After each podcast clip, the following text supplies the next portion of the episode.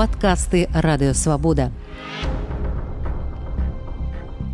Еўракамісія рэкамендавала пачаць перамовы з Украінай і Малдовай аб уступленні ў еўрапейскі звяз. Гэтыя постсавецкія краіны падалі заяўкі ў уступлення УЗ адразу пасля поўнамасштабнага ўварвання рассеі на украінскія тэрыторыі.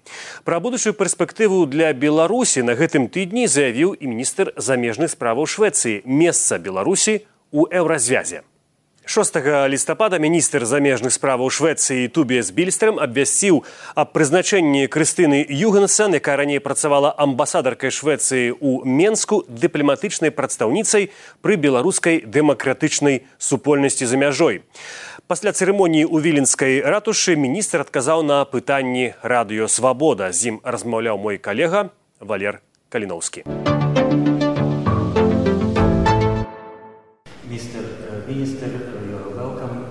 Вы выступілі 6 лістапада ў віленскай ратушы з вельмі важнай прамовай, важнай і для Беларусі і для Швецыі. Сярод іншага вы абвясцілі аб новай стратэгіі Швецыі ў дачыненні да Беларусі і аб прызначэнні спецпрадстаўніка для дачыненняў з дэмакратычнай Беларусю. Не маглі б вы патлумачыць да беларусаў, якія знаходзяцца ў сваёй краіне і за мяжой у выгнанні, чаго Швецыя спадзяецца дасягнуць гэтымі зменамі. Sweden hopes to achieve by this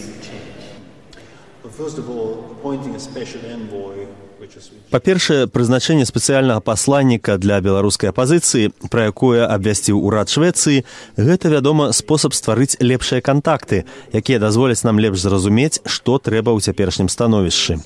І мець добрыя кантакты тады калі беларусь зноў стане свабоднай заўсёды лепш мець добрыя і стабільныя адносіны.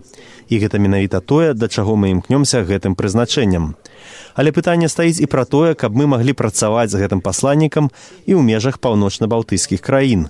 Я хацеў бы бачыць большее супрацоўніцтва і паміж паўночна-балтыйскімі краінамі ў цэлым і беларускай апазіцыяй а таксама ў рамках еўразвязу адказваючы на пытанне залі вы сказалі што верыце ў тое што беларусь калі-небудзь стане сябрам еўразвязу што ўмацоўвае вас у такой думцы Ну вядома, гэта паэтапны працэс. Першы крок гэта ліквідацыя рэжыму лукашэнкі. Мы ўсе гэта ведаем, але мы таксама павінны сказаць беларускаму народу, што далей, што будзе потым. І для мяне і для ўраду, які я прадстаўляю, цалкам відавочна, што для беларусі ёсць месца ў еўразвязе. Беларусь належыць да еўрапейскай сям'і і цалкам натуральна бачыць Беларусь членам еўразвязу. Гэты працэс павінен грунтавацца на заслугах, як і ва ўсіх краінах кандыдатах, але з нечага трэба пачынаць. І я кажу вам як міністр замежных спраў швецыі і шведскі ўрад цвёрда ў гэтым перакананы, што мы павінны ініцыяваць сяброўства беларусі як еўрапейскай краіны, як толькі яна зноўку зробіцца свабоднай дзяржавай з дэмакратычным кіраваннем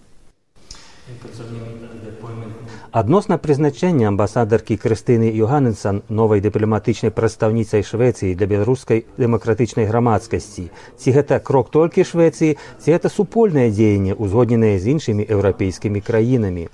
І як цяпер швецыя ставіцца да лукашэнкі? Які статус ён мае для шведскай дзяржавы? Well, Ну па-першае, прызначэнне спецыяльнага пасланніка ў асобе Крыстыны Юганесон гэта, як я бачу крок у слушным кірунку і можна спадзявацца, што за ім рушаць іншыя дзяржавы. Я не магу загадваць іншым дзяржавам, што рабіць, але я думаю паглядзець на сваіх калегаў, якія галасуюць і сказаць: паглядзіце, што мы робім. Можа, гэта стане прыкладам. Што тычыцца рэжыму лукашэнкі, то па-мойму гэтае прызначэнне яшчэ раз паказвае, што мы прызнаём толькі адзін легітымны ўрад беларусі. Вядома той, якім кіруе святлана ціхановская, якая была абраным прэзідэнтам, пакуль лукашенко не сфальшаваў выбары. Так што як мы бачым, менавіта спадарня ціхановская прадстаўляе беларускі народ. То бок вы прызнаеце святлану ціхановскую абранай прэзідэнткай мы прызнаём яе чалавекам які перамог на выбарах і які па праву павінен быў стаць інаўгураваным прэзідэнтам беларусі. 6 лістапада вы размаўлялі са святланай ціхановскай. Якія асноўныя вынікі? Я лічу што яна як заўсёды паказвае што працуе на карысць беларускага народу Яна легітымны лідар, але яна таксама лідар, які мае візію для беларускага народу. Гэта візія свабоднага і дэмакратычнага грамадства, дзе тыя, хто зрабіў злачынствы супраць чалавечнасці, павінны быць пакараныя.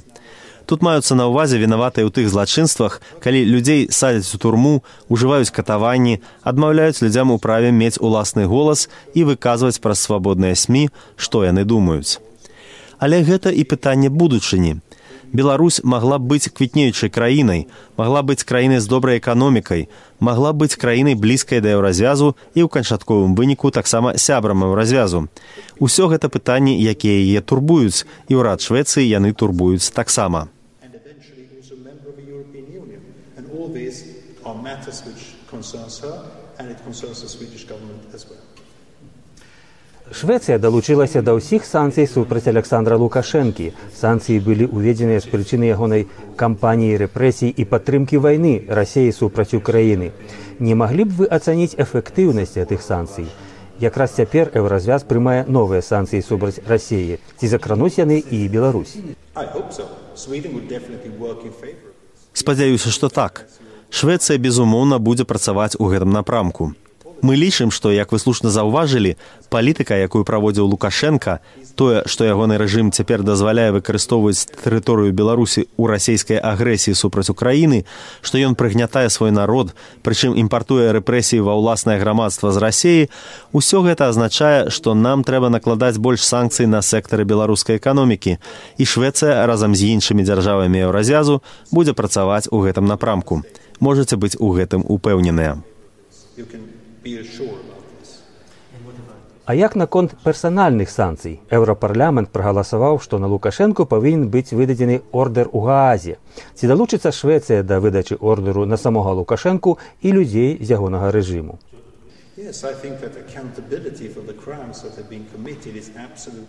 Так я лічу, што адказнасць за ўчыненыя злачынствы абсалютна неабходная. Гэта неабходна і цяпер, каб рэжым панёс адказнасць і за гвалт над уласным народам і за ўдзел у вайне супраць Украіны. Але гэта таксама і пытанне будучыні. Трэба ачысціць беларускае грамадства ад выканаўцаў злачынстваў, ад тых, хто ўзначальвае КДБ на высокім узроўні, ад тых, хто дапамагаў лукашэнку ў гэтых злачынствах. І памятайце, камісар Аан па правах чалавека заявіў, што зверствы ўчыненыя рэжымам гэта злачынства супраць чалавечнасці гэта вельмі і вельмі цяжкая праца. Мы, еўразвяз, павінны мець гэта на ўвазе, калі будзе ўхваляцца рашэнне аб санкцыях супраць Беларусі.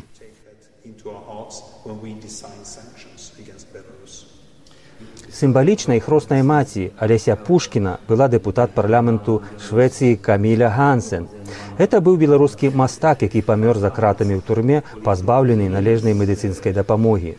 Цяпер у Беларусі больш за 1500 палітвязняў у вельмі кепскіх умовах у турмах. Як Швецыя, міжнародная супольнасць, такія арганізацыі, як чырвоны крыж могуць дапамагчы ім выжыць.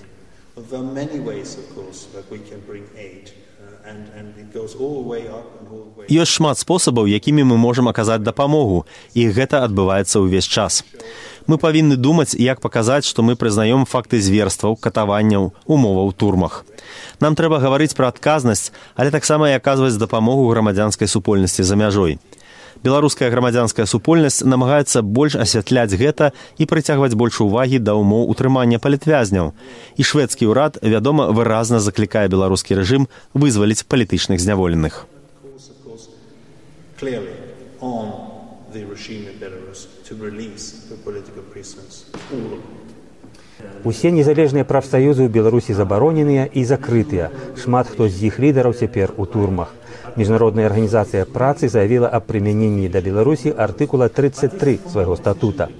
Але такая форма рашэння патрабуе выканання праз канкрэтныя крокі на нацыянальным узроўні. Як Швецыя магла б выканаць гэтае рашэнне?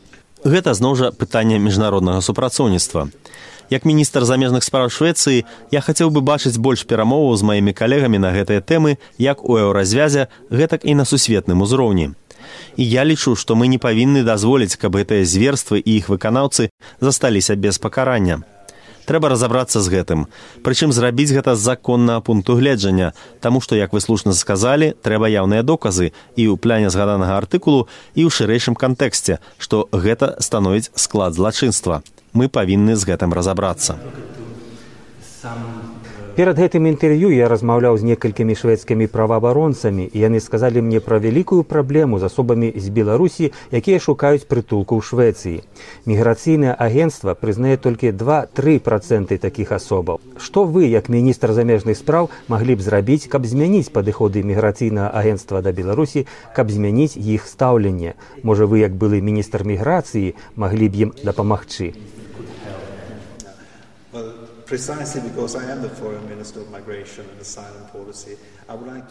Менавіта таму, што я былы міністр міграцыі, я хацеў бы адзначыць той факт, што асобныя справы не могуць у Швецыі разглядацца міністрамі. Гэта забаронена законам. Таму я ўчыніў бы правапарушэнне, калі б сказаў міграцыйным органам зрабіць тое ці гэтае. Але што я магу сказаць? Вядома, МЗС заўсёды гатовы паспрабаваць і я таксама спадзяюся, што лепшае, што можна зрабіць, каб краіна перагледзела інфармацыйную базу па краінах, паводле якой міграцыйны офіс працуе. Але яму трэба больш інфармацыі і яе можа надаць і грамадзянская супольнасць. У шведскім судзе, які разглядае міграцыйныя справы, вы маеце права падаваць любыя доказы, якія пажадаеце, і гэта дазваляецца шведскім заканадаўствам.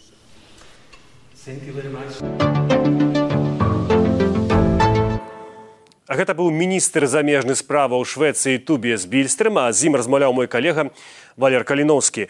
Ён таксама паразмаўляў і самой Крыстынай Югансон, якая прызначаная дыпламатычнай прадстаўніцай пра пры беларускай дэмакратычнай супольнасці за мяжой. Вось што яна расказала радыёвабода. Спадарня амбасадарня это прыгожа гучыць відаць так вы некалькі гадоў працавалі ў беларусі пакінулі краіну зараз у вас новае прызначэнне чым будзе адрознівацца ваша праца у менску ад вашай працы тут?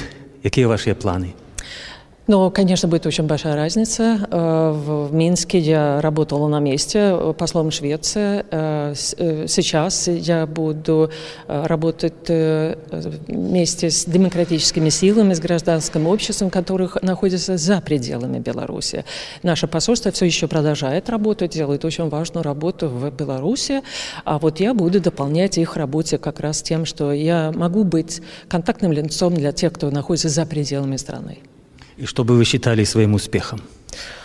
Чтобы я, вы знаете что, столько всего хочется сделать полезного, но э, все будет зависеть, конечно, от того, что вообще происходит как в Беларуси, как и за ее пределами, что происходит в регионе, что вообще происходит э, в Европе. Но э, я уверена, что мы сможем э, проработать какие-то конкретные идеи уже довольно скоро. Мы знаем, что, например, есть большой интерес со стороны демократических сил, гражданского общества работать больше над такими вопросами, как культура, мова, э, национальная идентичность. Вот такие такие вещи, мне кажется, очень интересные. Я с удовольствием буду говорить э, как со шведскими институтами, это у нас организация, которая поддерживает подобные инициативы, так и другие, э, другие организации Швеции, с тем, чтобы посмотреть, чем мы можем быть полезными. А так я буду контактным лицом, то есть э, и буду отвечать, буду отвечать за наши действия. Сможете ли вы иногда в Минск приезжать? В этом я не, в этом я не совсем уверена. Когда-то, я надеюсь, я смогу еще вернуться в Минск, город, который мне очень нравится. Но пока я буду в Стокгольме, но буду часто ездить как в Вильнюс, например, так и в Варшаву, так и в другие города, где сегодня находятся белорусы в эмиграции. Гэта была Крыстына Юганесен, дыпламатычная прадстаўніца Швецыі пры беларускай дэмакратычнай супольнасці за мяжой. З ёй у вільні размаўляў мой калега Варлер Каліноўскі. А для вас у празе працаваў я Дмітрый Гурневіч. Дзякуй за тое, што былі разам з намі, бывайце і заставайцеся за свабодай. Выслухалі падкаст радыёвабода. Усе падкасты свабоды ў інтэрнэце на адрасе свабода кропка орг. Штодня у любы час у любым месцы, калі зручна вам. Свабода кропка орг. Ваша свабода.